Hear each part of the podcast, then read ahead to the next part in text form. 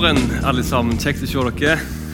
Innrømmer det jeg krever litt mer å stå her når jeg skal dele noe litt mer enn et par minutter om gangen.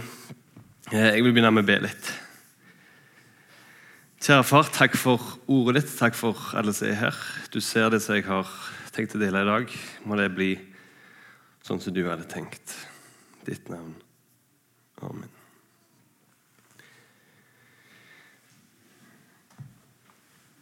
Jeg har sett ei overskrift eh, og begynner i Paulus sitt brev til filipperne. Gledesbrevet er det kalt ofte. Det står 15 ganger 'Gled dere i Herren' eller 'glede'. Så Det er et sentralt tema i tillegg til evangeliet, som Paulus var voldsomt opptatt av. Det har fått navnet sitt etter den makedonske kongen Philip. Han er far til Alexander den store, som er kjent i historien for mange. Etter et slag i 42 før Kristus så gjorde keiser Augustus han er også som kjente, byen til en romersk koloni. Så er dette her Paulus sin første menighet. Den bestod hovedsakelig av grekere og romere. Og det var få jøder som slo, var her. Filipperne var alltid en kilde til glede, sier Paulus. Jeg skal si mer om det senere. Han har et voldsomt sterkt forhold til menigheten. Den er sterkere enn mange andre. Og det er Mange tenk, fortolkere tenker at det kan være fordi at det, mest sannsynlig så var Lukas forstander her, og han var med igjen på misjonsreisen når de etablerte den her. Filipperne de var ikke særlig rike, men de la vi inn på å samle inn penger til Paulus videre når han reiste videre på misjonsreisen sine. Det står at han, de gitte ga, mye mer gaver enn det han trong, faktisk talt. Så han har mye vært takknemlig for Paulus. Når han skriver dette, så sitter han fengsla. og det, det kan hende det er i Cesarea, men mest sannsynlig så er han i Roma. Og Da er vi rundt 60 etter Kristus. Det er liksom inngangen på dette her. Paulus han får en gave her fra Epafroditus, som tar han med seg til fengselet. Og I returen så får Epafroditus et brev som han tar med seg, som er blitt Filippa-brev, som vi kjenner fra Nye testamentet. Det har flere formål, sånn som alle andre tekstlinjer, både i Bibelen og ellers. Paulus vil at de for det første skal ta imot utsendingen, altså Epafroditus. ta imot henne. Han ble voldsomt syk når han var der og holdt på å dø, så det, det fikk de med seg, og det bekymra de voldsomt. Han vil for det andre takke for gavene han har fått, alle gavene han har fått. Og så vil han berolige filipperne, for det ryktes jo at Paulus han sitter i fengsel, og det er, det er ikke noe all inclusive med med, med utetid og alt sånt, det tror jeg er et mørkt hull med rotter og fryktelige forhold. Verre enn jeg kan forestille meg. Det er jeg rimelig sikker på. Men så er det noe som ligger på hjertet til Paulus, som han har fått ifra Jesus. Han har møtt Jesus. Og Det eneste han kan tenke på, er å glede seg i Herren. Og Det ryktes blant fangevoktere nå at det er hvorfor Paulus sitter der. Det er fordi at han har snakket om Jesus. Blant annet. Det er andre ting om men Jeg skal ikke gå inn på alt det. Så Jeg leste Filipperne 1, sånn som den Paulus begynner litt uti der, i vers 3. Jeg takker min Gud så ofte som jeg tenker på dere. Alltid når jeg ber, gjør jeg min bønn for dere alltid med glede. For fra første dag og like til nå har dere hatt samfunn med meg i arbeidet for evangeliet. Og jeg er full viss på dette, at han som begynte den gode gjerning i dere, vil fullføre den inntil Kristi, Jesu Kristi dag. Det er jo bare rett at jeg tenker slik om dere alle, fordi jeg bærer dere i mitt hjerte.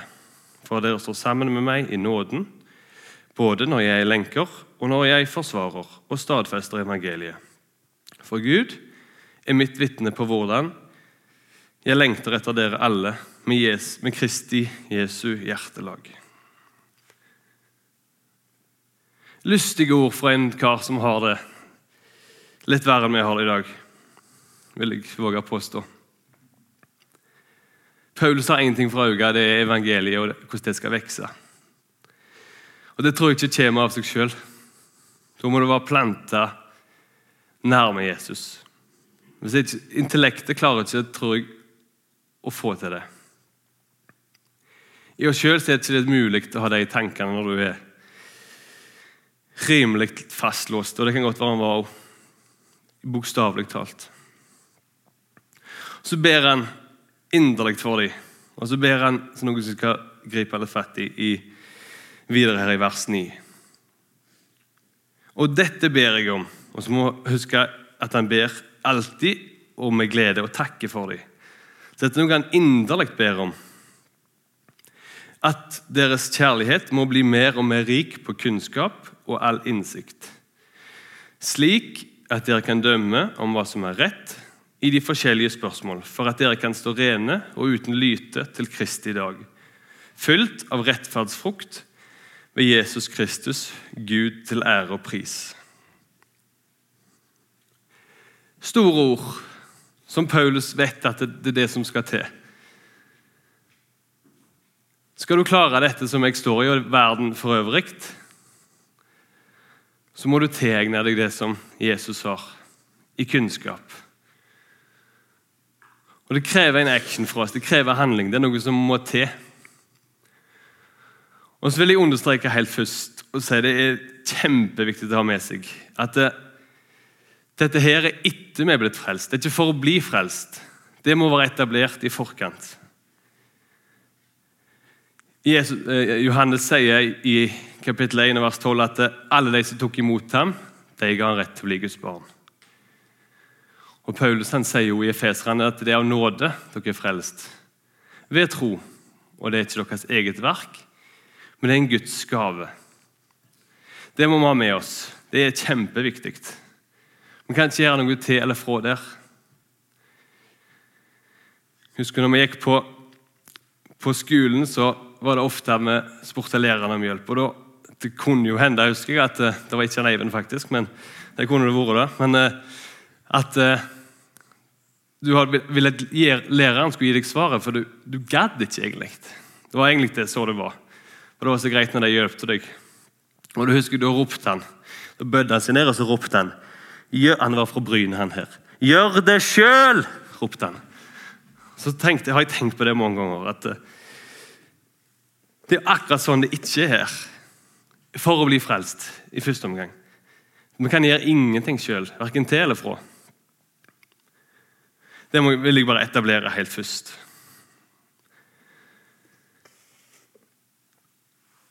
Og så er jo spørsmålet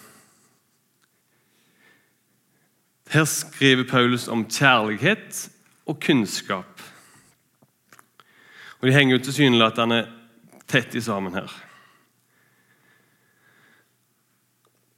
Så er jo, I dag så er det jo på en måte Det er mange ting som det står om, spesielt rett etter jul og rett etter sommeren, når du skal hvis du for skal begynne å trene eller ta av, eller liksom, hvor lite på en måte kan du tilføre for å få mest mulig? Det, jo, det faller på en måte på sin urimelighet. Hvor lite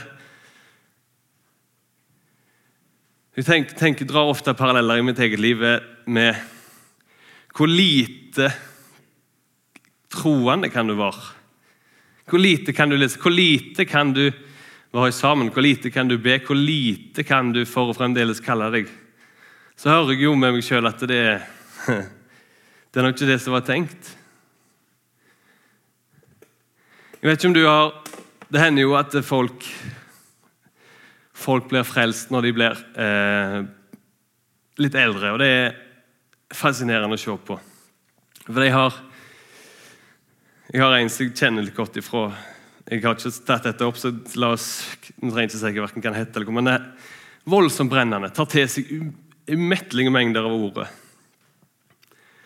Og Så ser folk på han, og jeg meg sjøl, og så kan tenke du, er det om å gjøre? Er det nødvendig? Det er så strevsomt når du skal snakke om Bibel, prøve å leve etter det. Det er jo så mye mer behagelig å la det stå til, hoppe i hamsterhjulet, mandag til fredag, endelig helg. så er det mandag igjen. Og så utretter du. Jeg snakker mye om selv mitt eget liv. Jeg håper at dere har det. Utretter utrolig lite. Det er ikke det Paulus snakker om. Jeg vil lese det som står i 1. Korinterne 13 om kjærlighet. Det er det som er mest sitert i bryllup. Det er jo kjente vers, de siste delene av det iallfall. Ifra vers 1 der. Om jeg taler med mennesker og englers tunger, men ikke har kjærlighet, da er jeg en lydende malm eller en klingende bjelle. Om jeg har profetisk gave og kjenner alle hemmeligheter all kunnskap, og om jeg har all tro, så kan jeg flytte fjell men ikke har kjærlighet, da er jeg intet. Om jeg gir det jeg eier til mat for de fattige, om jeg gir mitt legeme til å brennes, men ikke har kjærlighet, da gagner det meg intet. Og så er det her som skal bites merke i. Kjærligheten er tålmodig, er velvillig. Kjærligheten misunner ikke. Kjærligheten skryter ikke, den blåser seg ikke opp. Den gjør ikke noe usømmelig, søker ikke sitt eget, blir ikke bitter, gjemmer ikke på det onde. Den gleder seg ikke over urett, men gleder seg ved sannhet. Den utholder alt, tror alt, håper alt, tåler alt. Kjærligheten faller aldri bort.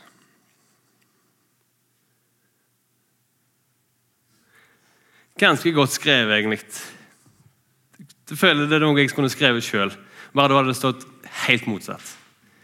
Da hadde det stått det som du ikke skal gjøre, det er sånn som jeg gjør.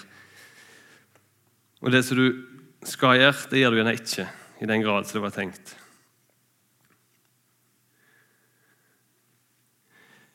Denne kjærligheten er snakk om her, her er det agape som er brukt, det greske ordet for kjærlighet. og Den kjærligheten den krever ikke. Den er uselvisk. Den er nesten for øynene, og han spør ikke hva det er. Hva er det What's in it for me? Jeg fant ikke noe godt norsk på det. så hva kan det gi meg, det som jeg tilfører denne verden, eller det som jeg tilfører nesten min? Sånn er det jo naturlig å tenke. Hva tjener jeg på det? Det er jo det evige spørsmålet. Ofte.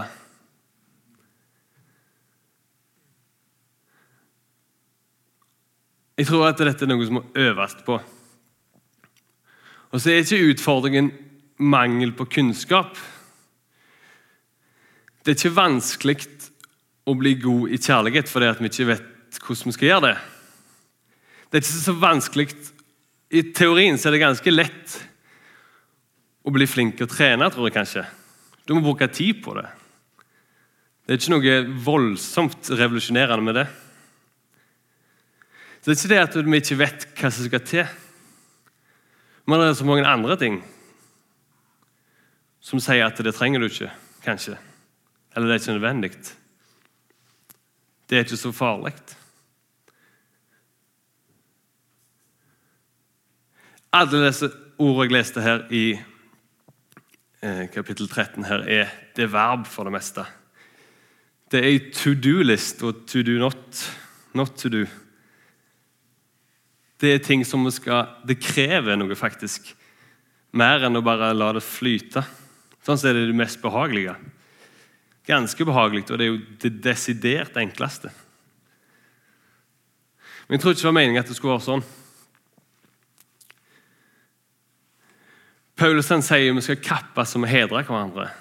Vi må gjøre vårt ytterste for at vi skal løfte hverandre fram.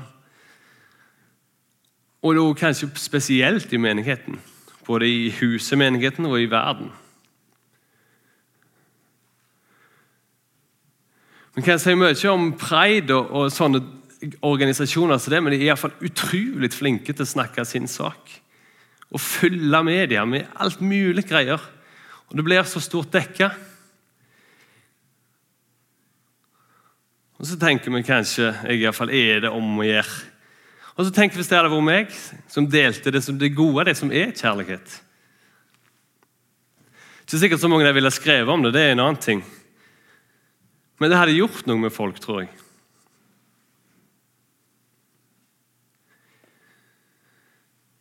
Paulus snakker om å ta ansvar for egne liv. Jeg leste en artikkel i går. Det var en i USA, en stakkar som jobba på en bensinstasjon. og Han skulle sette pumpeprisen på jeg tror det var 65 dollar for en gallon.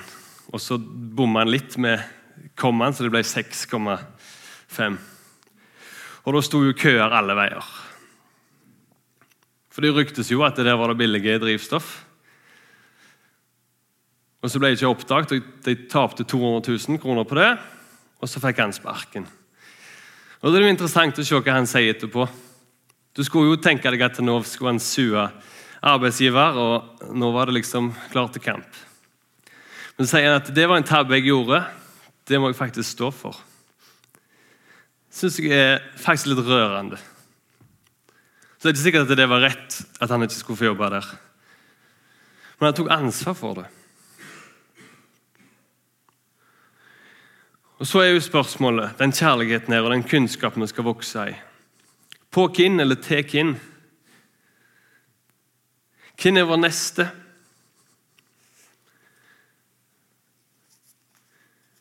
Jeg vil lese litt i lignelsen om For det er noen som har spurt om det. I, det står i Lukas 10.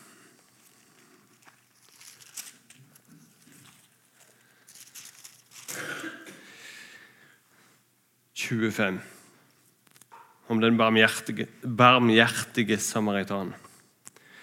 Og se, en lovkyndig sto fram og fristet ham og sa, 'Mester, hva skal jeg gjøre for å arve evig liv?'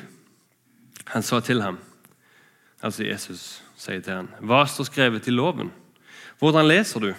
Han svarte og sa, 'Du skal elske Herren din Gud og hele ditt hjerte, av hele ditt hjerte og av hele din sjel og av all din kraft av all din forstand, og det neste som deg selv.'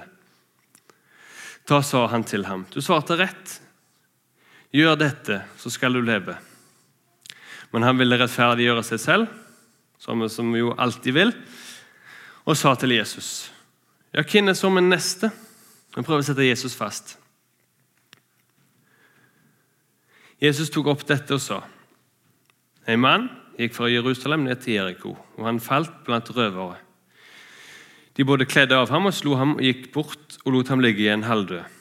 Nå traff det seg slik at en prest drog ned samme veien, og han så mannen og gikk forbi. Likeså kom en levitt til stedet og så ham og gikk forbi. Men en samaritan som var på reise, kom også dit mannen lå. Og Da han så ham, fikk han inderlig medynk med ham. Han gikk bort til ham og forbandt sårene hans og helte olje og vin i dem. Og Han løftet han opp på sitt eget dyr og førte ham til et herberge og peilet ham, pleiet ham.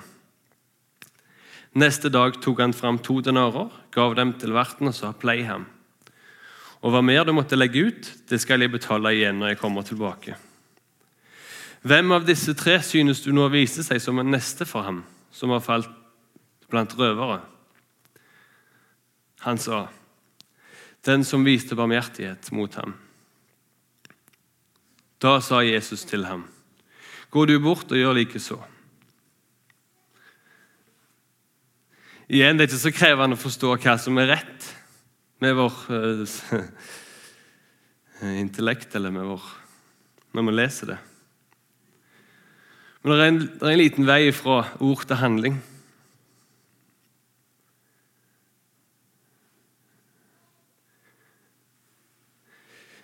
Jeg stykker ofte når jeg leser Lukas 6, 46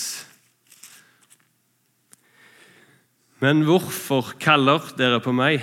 Hvorfor kaller dere meg Herre, Herre, og gjør ikke det jeg sier? Nei, sier det du. Det er jo ganske mye mer behagelig, det er jo. Ofte for meg, for meg sier Jesus 'Herre'. Eh, unnskyld, frelser. Og du har han med deg på sidelinja. Og det er jo det er greit å ha når det begynner å bli vanskelig. Og ellers så bare er det jeg som kjører. Stort sett.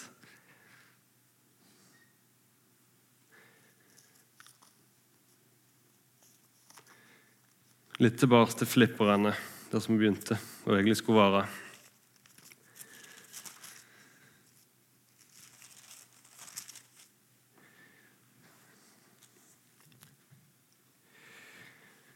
1.27.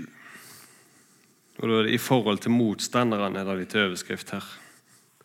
Se bare til at dere lever et liv som er Kristi evangelium verdig, slik at jeg, enten jeg kommer og besøker dere, eller er fraværende, kan få høre om at dere står fast i en ånd, og med én sjel kjemper for troen på evangeliet. Og vers kapittel 2, 5. La dette sinn være i dere, som òg var i Kristus Jesus. Han som, da han var i Guds skikkelse, ikke holdt det for et røvet bytte å være Gud lik, men gav avkall på det og tok en tjenerskikkelse på seg da han kom i menneskelignelse. Og da han i sin ferd var funnet som et menneske, fornedret han seg selv og ble lydig til døden, ja, døden på korset.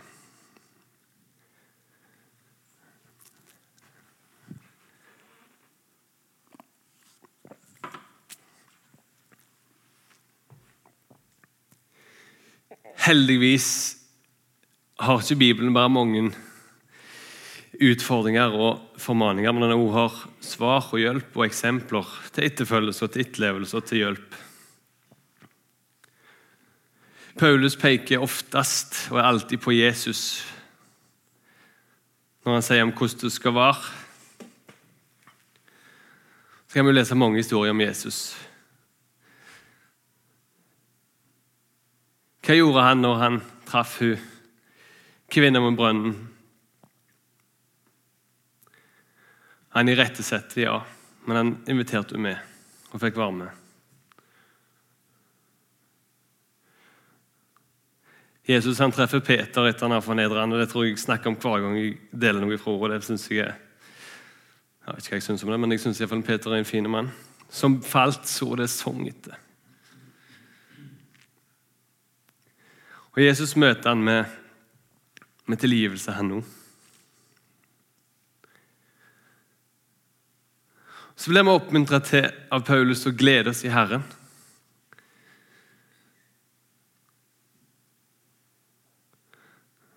Og jeg tror at i Herren så går det ikke an å ikke glede seg.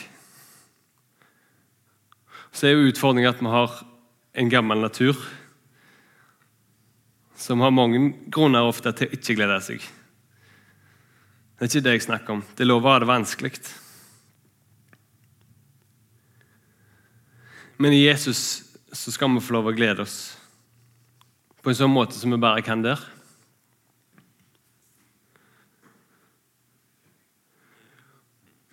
Så kan vi lese om hva som kjennetegner et Guds barn. Og Det er mange ting, men de har iallfall spor etter seg der de går som er positive. Det merkes at de har vært der ofte. Jeg tror iallfall det, var, det var sånn på Jesus' i tid. Når disiplene ble sendt ut, har det vært i den byen og i den byen og den byen. Med mye motstand så tror jeg at de fleste fikk det med seg, selv uten Facebook, at det hadde vært noen folk der. For folk snakket. De snakket om ting som hadde litt mer substans kanskje enn det som vi ofte gjør i dag. I fall jeg. Det var noe med dem.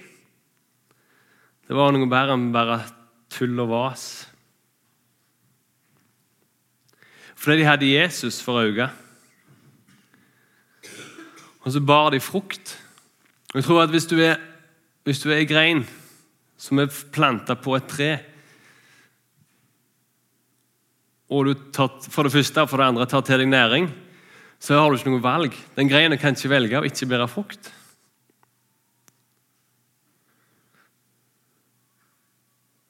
Det er en tvungen nødvendighet. For kilden er full av frukt og full av opplevelser og full av gjerninger for oss. Gode gjerninger. Og alle vi treffer skal treffe. Og de som ikke har truffet ennå, kanskje.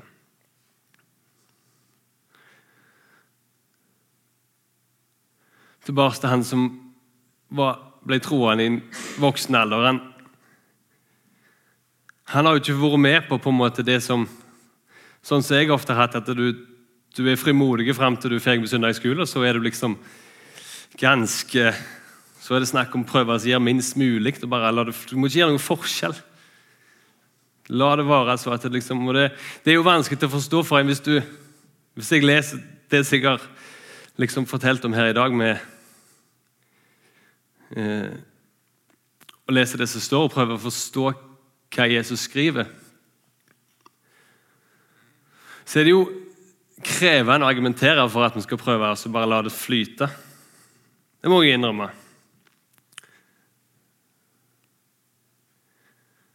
Og Da er det vanskelig for vedkommende å, å forstå når du får motstand fra kanskje menighet eller medvandrere om at det, du gjør så mye ut av det. Kanskje. Og det håper jeg kan være Dette er det er jo en vanskelig tekst, dette er et vanskelig tema. Det må jeg innrømme. Jeg har strevd mye med hvordan jeg liksom skal legge det fram. For det, det, er jo, det, kunne, det kunne vært en fortelling fra mitt liv, for det er jo for så vidt på mange, måter det. Sånn som det ikke burde være. Så håper jeg at det kan oppmuntre oss til å leve sånn som Jesus hadde tenkt, og ikke bare bli mismodige, men faktisk gledes i Herren, sånn som Paulus snakker om. Det er altså den eneste gleden er. Så er det sånn at det er Til tider så er livet vanskelig. Det er jo For meg ble det nesten for vanskelig. Det skal jeg ikke fortelle noe om nå, men hvis dere har noen som syns liv er vanskelig, så må dere gjerne ringe til meg. Og da er det ikke i tillegg til Det er ikke i stedet for helsevesen, det er i tillegg, hvis det kan være en hjelp. For av og til er livet krevende. Dette har jeg ikke snakket om med så mange før, men det, gjør jeg, det driter jeg i. Men hos Jesus er det glede å finne. Jeg håper at det er det du kan sitte hjemme etter i dag. Jeg skal be. Kjære Jesus, takk for ordet ditt og for at det er så tydelig. Så ser du at ting sjelden går sånn som så du ville, Hedna. Hjelp oss til å være sterke sammen og bruke tid sammen med deg. Du ser alle hindringene på veien, du ser ting som er vanskelig. Du ser alt som tar tid over. Hjelp oss til å holde målet i sikte og bruke tid sammen med deg. Må du være med hver enkelt her. Du ser stormenigheten, store forsamlingen, unger ungdommer og voksne. Vær med hver enkelt. Vær med bygda vår, sånn som bare du kan. Ditt navn. Amen.